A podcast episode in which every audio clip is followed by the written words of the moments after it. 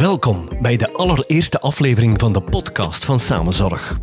Samenzorg is een onafhankelijke organisatie die mensen verbindt in hun transformatieproces naar een gezond, gebalanceerd en authentiek leven.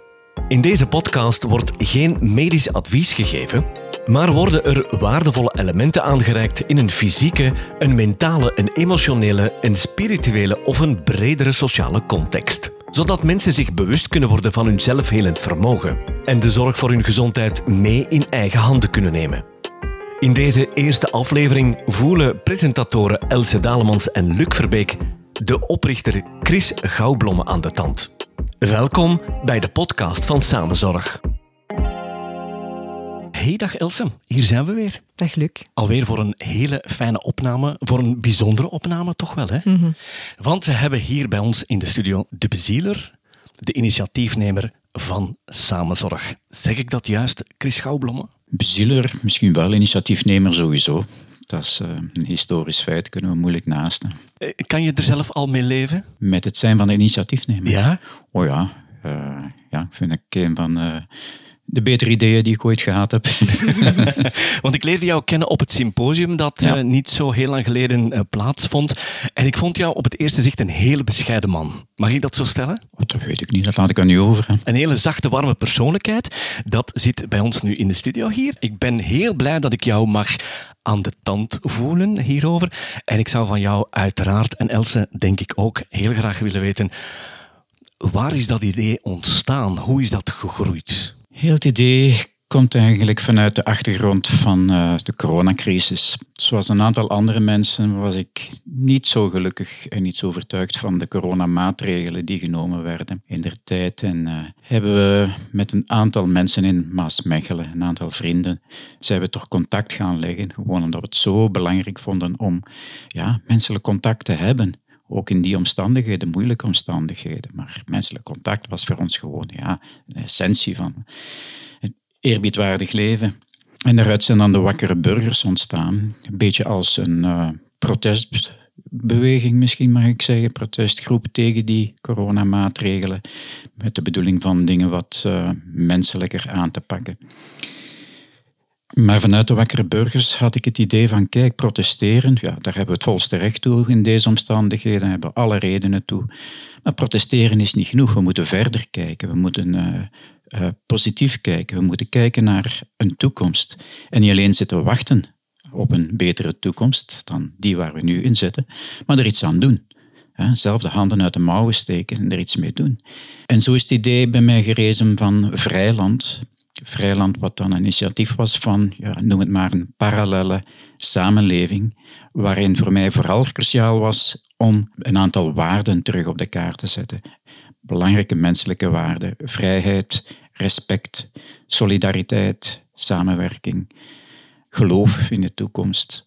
Ik heb toen op eh, Blauwe Maandag een aantal ideeën op papier gezet, die links en rechts is laten lezen. En eh, wonder boven wonder sloeg dat wel aan. Zagen mensen daar wel iets in? Waren er zelfs veel mensen die zeiden van verdorie, dit is waar ik al lang heb zitten op wachten eigenlijk.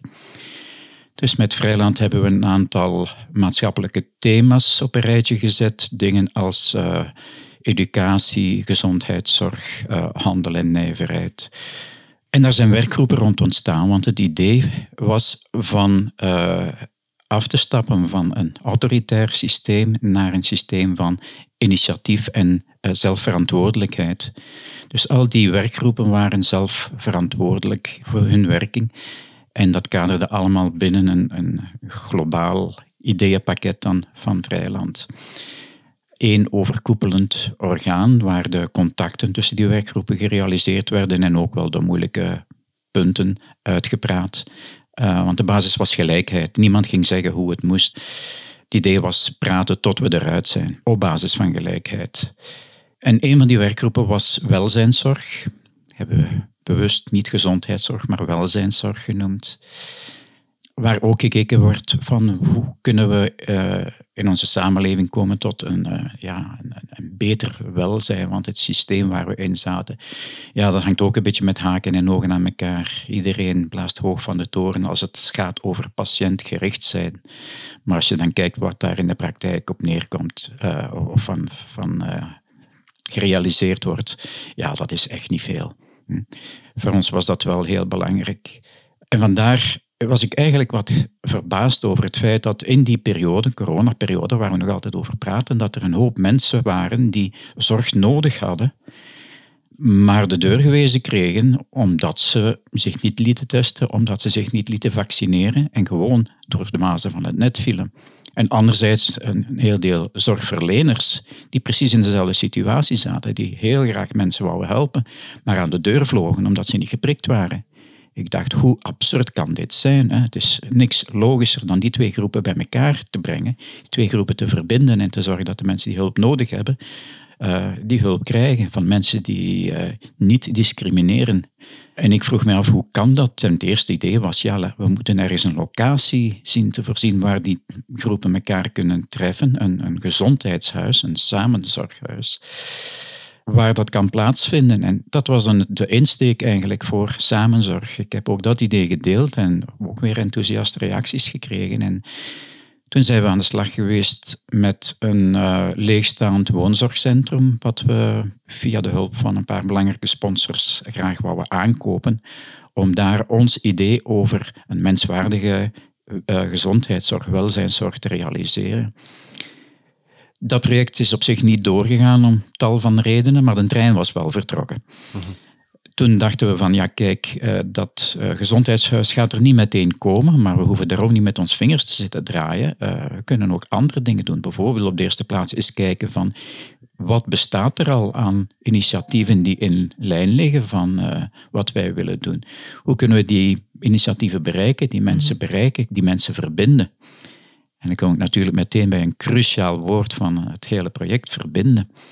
Eh, want dat is wat wij wilden. Uh, zowel de zorgvragers verbinden die, die uh, dezelfde behoeften hadden, de zorgverleners verbinden die ook voor hetzelfde dilemma stonden van te willen helpen, maar niet te kunnen of te mogen. Mhm. En dan ook die twee groepen te verbinden met elkaar. Uh, de klassieke gezondheidszorg te verbinden met de alternatieven die ook aangeboden kunnen worden. Dus die, dat element verbinding is gewoon centraal in, in, in heel het idee van samenzorg. Vind je dat jullie daar vandaag in slagen, in, in verbinden? Ja, ja, daar ben ik van overtuigd. Omdat wij um, ten eerste, het initiatief dat we toen genomen hebben, was het creëren van, van onze dispatch, een telefooncentraal, mhm. een, een centraal telefoonnummer, waar zorgvragers beroep kunnen doen op zorgverleners die hun diensten aanbieden. Dat is dus al een, uh, eerste concrete vorm van, van verbinding. Maar dat element verbinding gaat veel meer dan het organisatorische of het structurele. Het is ingebed in onze contacten met elkaar ook. Verbinding tussen de mensen die samenwerken uh, met samenzorg, de vrijwilligers, uh, de mensen van de kerngroep. Uh, daar is, ook daar is verbinding heel, heel centraal. Dus we, we gaan niet de ideeën die we hebben loskoppelen van wat we doen en wie we zijn de manier van werken binnen de kerngroep komt eigenlijk volledig neer op die kernwaarden die, die vanuit Vrijland meegenomen waren. Dat respect voor elkaar, eh, de begrip voor elkaar, eh, eh, de solidariteit, bereidheid om desnoods water in de wijn te doen als dat echt moet, maar samen ergens aan te bouwen. en niet vanuit een ego, niet vanuit mijn individualiteit, maar samen dat doel te bepalen, vast te leggen en daar samen aan te werken. Dus die dingen uh, manifesteren zich ook heel concreet in onze dagelijkse werking, op iedere meeting die we hebben, iedere vergadering die we hebben. Het verbinden gebeurt ook door de open deurdagen die we organiseren, waar alle sympathisanten en mensen die geïnteresseerd zijn in, in samenzorg welkom zijn en waar wij delen wat wij aan het doen zijn, wat we bereikt hebben en waar we nog verder naartoe willen. Dus ja, ik denk dat we goed bezig zijn met dat uh, element echt te realiseren en op kaart te zetten. Ja. je zegt waar we nog verder naartoe willen. Heeft dat concrete vormen? Of gaat het over een aantal ideeën, wensen, dromen? Er zijn nog uh, dingen waar we mee bezig zijn en waar we verder aan werken. Ten eerste die open deurdagen, maar er zijn ook events die we organiseren, uh, wat, op wat grotere schaal, waar we een bepaald uh, thema op de kaart zetten. we hebben er twee grote gehad. Eén met, met Hudson vorig jaar. Um, iemand, een Brit, die ons duidelijk maakt hoe fobieën uh, in een handomdraai eigenlijk kunt uh, wegwerken. Mhm. Het was spectaculair. En dan hebben we dit jaar een uh, event gehad rond holistische geneeskunde. Wat is holistische geneeskunde of wat bedoelen wij daarmee? En waarom is dat element holistisch voor ons zo belangrijk? ook dat, daar zijn we mee bezig. Er zijn nog andere dingen die op stapel staan. Er is nog altijd geen concreet samenzorghuis of gezondheidshuis gerealiseerd. Maar er is wel samenwerking met een aantal centra. Daar maken wij het onderscheid tussen een samenzorghuis waar wij zelf de teugels in handen nemen en zelf de organisatie en de verantwoordelijkheid uh, nemen. En een gezondheidshuis wat een autonoom project is, waar wij gewoon een beetje coördinerend eventueel optreden, maar in ieder geval onze manier van werken delen en daar samen aan, aan sleutelen. Er zijn de infomomenten Mhm. die wij organiseren. Enfin, op verschillende manieren ook weer. Zowel via de website is de bedoeling om informatie te delen, want wij zijn ervan overtuigd dat informatie ook cruciaal is Mhm. voor een goede gezondheid. Omdat via uh, de informatie en educatie, het opvoeden van, van, van mensen, de zelfredzaamheid van die mensen erg in de hand gewerkt wordt. En dat is ons, een van onze grote doelstellingen ook. Mhm. Mensen zelfredzaam maken. Niet meer passief, geen leidend voorwerp Mhm. van de geneeskunde, maar actief deelnemen, actief hun eigen gezondheid handhaven of herstellen als dat nodig is. Mhm. Uh, vanuit hun kennis van wat daar allemaal voor mogelijk is. Hè? Ja, die alternatieven aanbieden.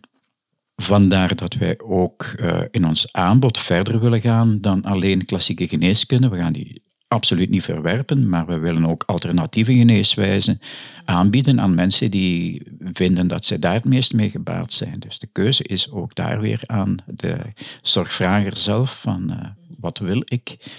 Je verwijst daarnet naar je eigen welzijn in handen nemen, jouw verantwoordelijkheid ervoor opnemen. Ik weet niet of dat een woord is um, wat voor jou in die context passend is. Wat houdt holistische geneeskunde voor jou in? Voor mij betekent dat een brede kijk hebben op de zaak. De mens niet zien als een stuk mechaniek dat moet gerepareerd worden. We zijn geen kapotte auto's. Er zijn zoveel aspecten die meespelen. Zowel de lichamelijke aspecten die ja, in de klassieke geneeskunde dan vooral aan bod komen, maar ook het emotionele, het mentale, een gezonde manier van denken, het uh, spirituele ook. De, vragen van, wat loop ik hier als mens te doen eigenlijk? Zijn allemaal aspecten die, die heel belangrijk zijn om een, een goede gezondheid te handhaven of, of, of te bereiken. En we willen dus mensen duidelijk maken dat ze op elk van die vlakken hun lot in handen hebben eigenlijk en daar, daar kunnen aan, aan werken, daar beterschap kunnen inbrengen. En we willen graag een aantal tools aanreiken waarmee ze aan de slag kunnen om dat te bereiken. En ik ben er heilig van overtuigd dat als we dat doen, dat, dat 95% van de problemen opgelost kunnen worden zonder therapeutische, tussen aanhalingstekens, therapeutische hulp, begeleiding, ja, maar niet meer vanuit het standpunt van, ja, de patiënt is het leidend voorwerp en de therapeut is degene die nu eens gaat zeggen wat en hoe. Zoals het toch nog heel vaak gebeurt, helaas, in uh, ziekenhuizen bijvoorbeeld, waar uh, patiënten die vragen stellen nog maar, laat staan voorstellen doen, als antwoord krijgen van wie is hier de dokter? Ja, alle respect voor de autoriteit en de kennis van, van dokters, ik ben er zelf een. Maar waarom niet het initiatief die patiënt gebruiken om hem op weg te zetten? Dat moet kunnen. En is ook belangrijker dan hem alleen maar medicatie aan te reiken, zonder hem aan het denken te zetten naar waarom ben ik ziek, van waar komt dit probleem, waar heeft dat mee te maken, Mhm. wat is de achtergrond. En als ik aan die achtergrond niks doe, hoe lang gaat mijn beterschap dan duren? Hoe lang gaat het duren voor ik herval? Hm? Inzicht krijgen in uzelf, in uw manier van functioneren. Uit die rol stappen van uh, wat gebeurt met mij, maar wat wil ik zelf met mijn leven aanvangen? Uh, dat kan zoveel in beweging zetten. En dat sluit uiteraard ook aan dan met het uh, spirituele, wat voor mij de laatste jaren dan uh, veel meer op de voorgrond is komen te staan dan vroeger. De vraag van, ja, wat doet dit met mij als, als mens, als ziel, als ik dat woord mag gebruiken. Wat is betekenis? Waar, waar leidt dit mij toe? Is dit zomaar grote pech die ik heb in mijn leven? Of is dit een trigger die ik kan gebruiken om, om vooruit te komen in, in mijn uh, groei als, als ziel, als wezen? Waarbij een aantal uitgangspunten totaal kunnen omslaan.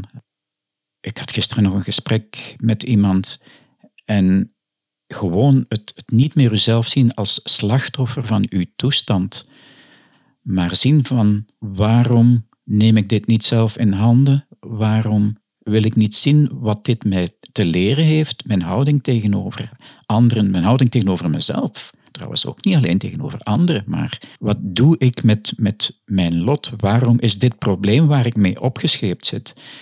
Misschien wel de kans van mijn leven om, om, om betere inzichten te krijgen.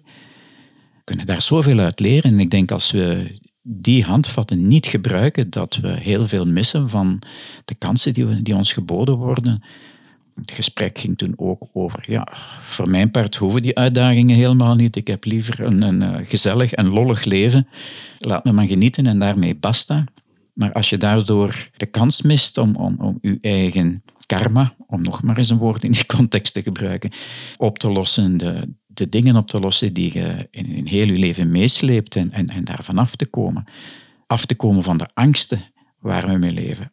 Af te komen van de woede en de haat waar we mee leven. Zowel tegenover onszelf als tegen anderen. En dat alles leren kaderen binnen het, het, het grote kader van uh, ja, wat ons leven zin geeft. En dat is voor mij, ja, en ik, ik ga de grote woorden niet schuwen, liefde. Ja. Daar gaat het om in, dit, in deze wereld. Ja. In, in, in de kerk vroeger uh, hoorde ik altijd zeggen van God is liefde. En denk, ja, het waren zo drie woordjes die voor mij eigenlijk lucht waren, die, die me niks zeiden. Maar hoe langer meer besef ik van, daar kun je de hele kosmos in samenvatten, in die drie woorden. Alles is liefde, alles draait om liefde. En ook mijn houding tegenover mezelf, mijn houding tegenover anderen, ook de mensen waar ik niet zo goed mee overweg kan, wordt uiteindelijk bepaald door aanvaard ik die kern van liefde in mijn leven en doe ik daar iets mee? Of ga ik me vastmetselen in mijn houding van en hij is niet eerlijk geweest tegen mij en hij heeft me niet correct behandeld en wacht maar tot ik hem kan krijgen. Het is opmerkelijk dat de woorden liefde en ziel en karma niet meer geschuwd worden. Je merkt dat her en der.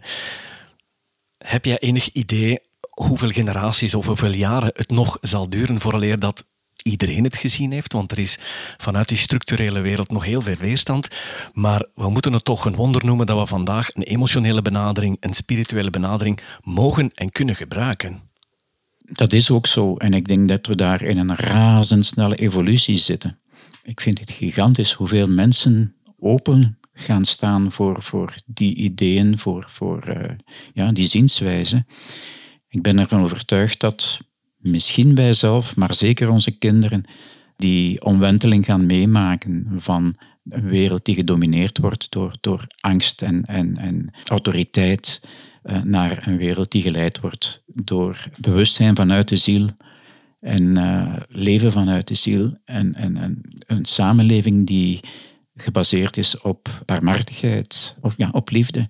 Ik denk dat dat binnen één à twee generaties gerealiseerd kan worden en zal worden. Uiteraard kan ik me vergissen, maar dat is mijn voorgevoel. En ik durf zeggen dat mijn voorgevoel me zelden in de steek laat. En het is zo fijn dat jij dat allemaal in gang hebt gezet. Wat maakt dat jij de geknipte persoon daarvoor was? Ja, ik zou daar twee antwoorden willen op geven. Langs de ene kant, ik ben eigenlijk heel mijn leven al uh, geëngageerd bezig geweest.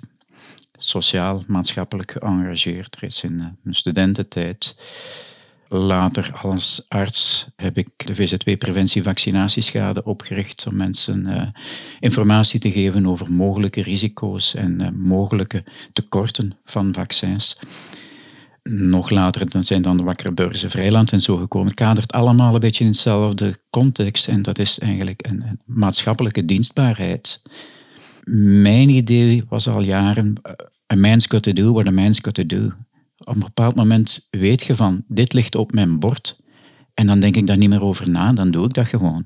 En wat daaruit komt, dat weet ik niet. Dat kan een grote flop zijn of dat kan een succes zijn. Dat maakt ook niet uit.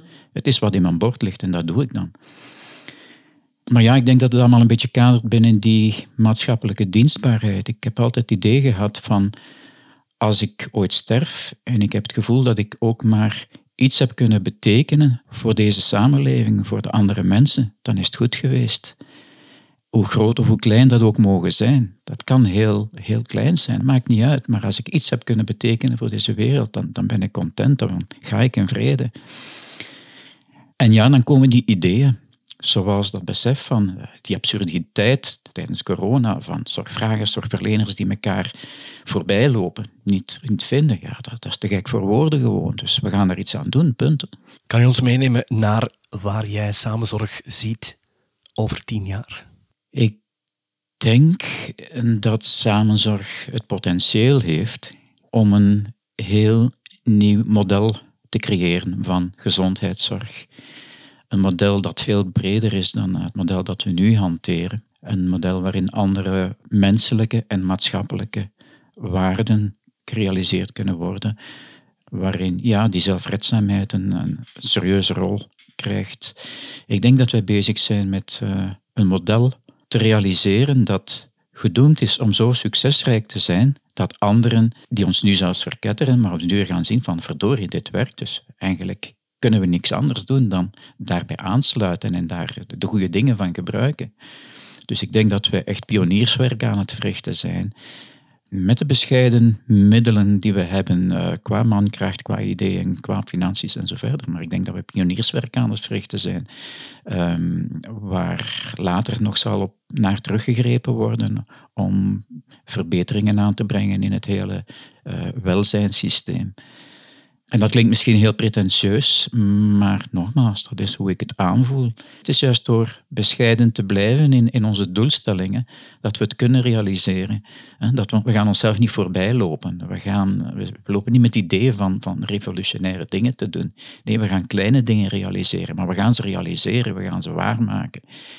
En juist dat gaat mensen enthousiasmeren en laten zien dat het anders kan en dus anders moet. Wellicht komen er hier en daar signalen van die ketterij. Ik ga ervan uit dat er ook mooie signalen komen. Heb je zo een paar signalen al waarvan je kan zeggen, dit is echt een voorbode van het feit dat we de goede richting uitgaan? Ik denk het feit dat wij zoveel enthousiaste medewerkers krijgen, bijvoorbeeld voor het bemannen van, van onze dispatch.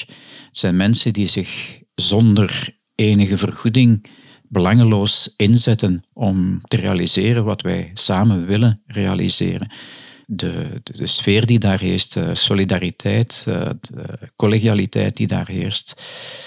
Als je bedoelt op maatschappelijk vlak, wel, ik, ik zie andere initiatieven ontstaan. In de zin van de gezondheidshuizen zoals wij die wensen te realiseren.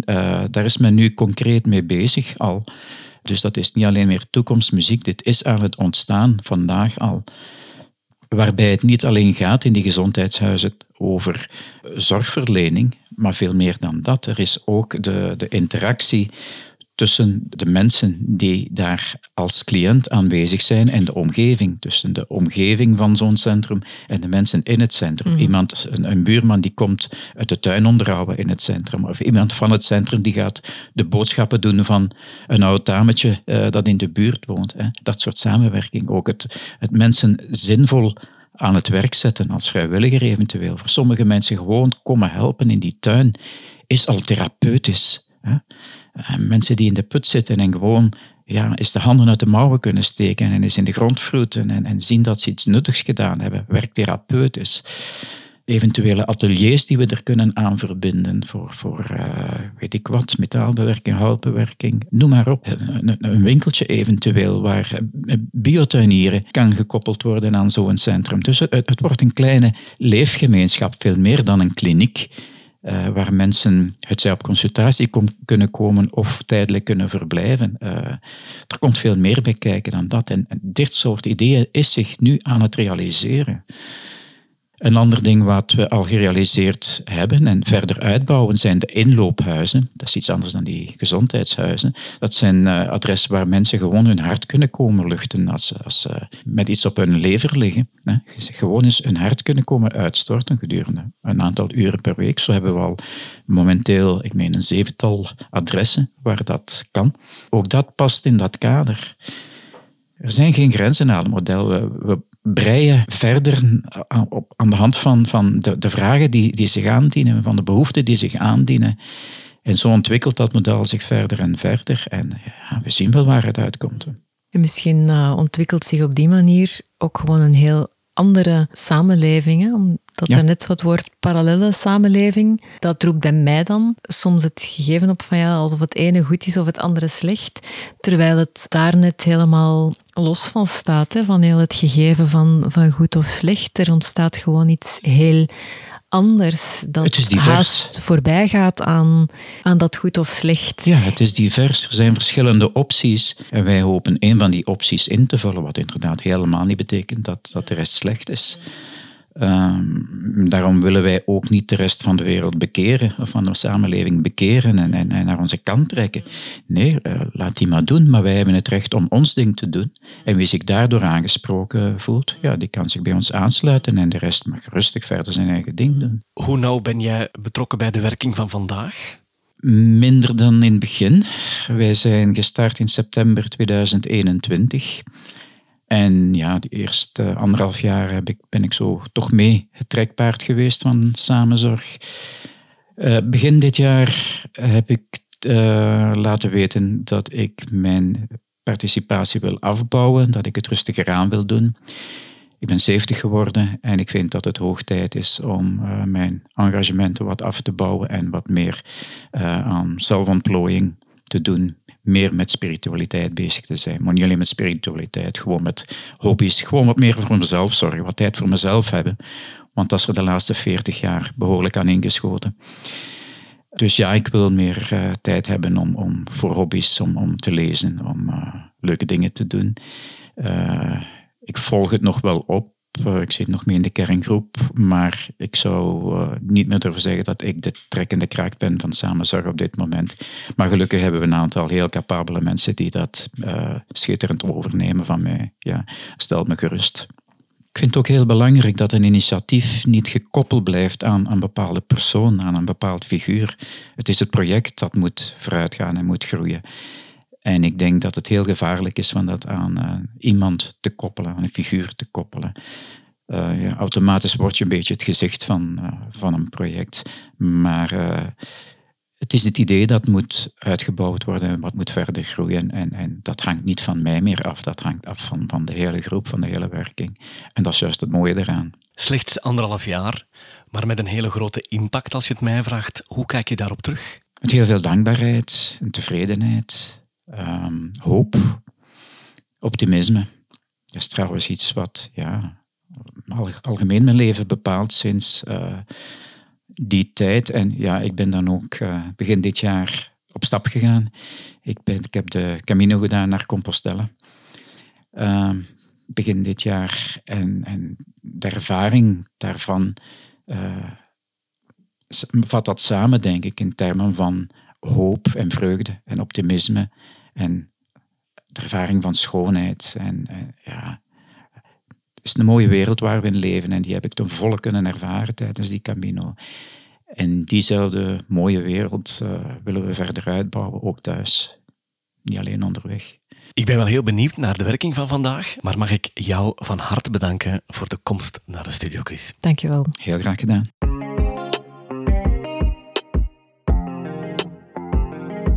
Wil je meer afleveringen van Samenzorg beluisteren? Abonneer je dan gratis bij je favoriete podcastplayer. Om op de hoogte te blijven van de activiteiten van Samenzorg, kan je online inschrijven voor de nieuwsbrief op onze website samenzorg.nu. Daar kan je ook lid worden om ons te steunen. En vind je alle info over onze zorgverleners, inloophuizen en geplande activiteiten. Op het Samenzorg Verbindkanaal op Telegram staan activiteiten van de leden van Samenzorg. Daar kan je ook als ervaringsdeskundige of zorgvrager je verhaal delen. Heb je vragen? Volg Samenzorg VZ2 op Facebook of Instagram. samenzorg.nu. Vind je deze podcast nuttig? Deel hem dan op je social media kanalen. Hoe meer mensen er naar luisteren, hoe meer we kunnen verbinden, hoe meer we kunnen helpen. Heb je zelf ook een straffe patiëntenverhaal? Een boek dat je leven heeft veranderd? Stuur ons een e-mail naar contact.samenzorg.nu. In een volgende aflevering van Samenzorg laten we de leden van het kernteam aan het woord.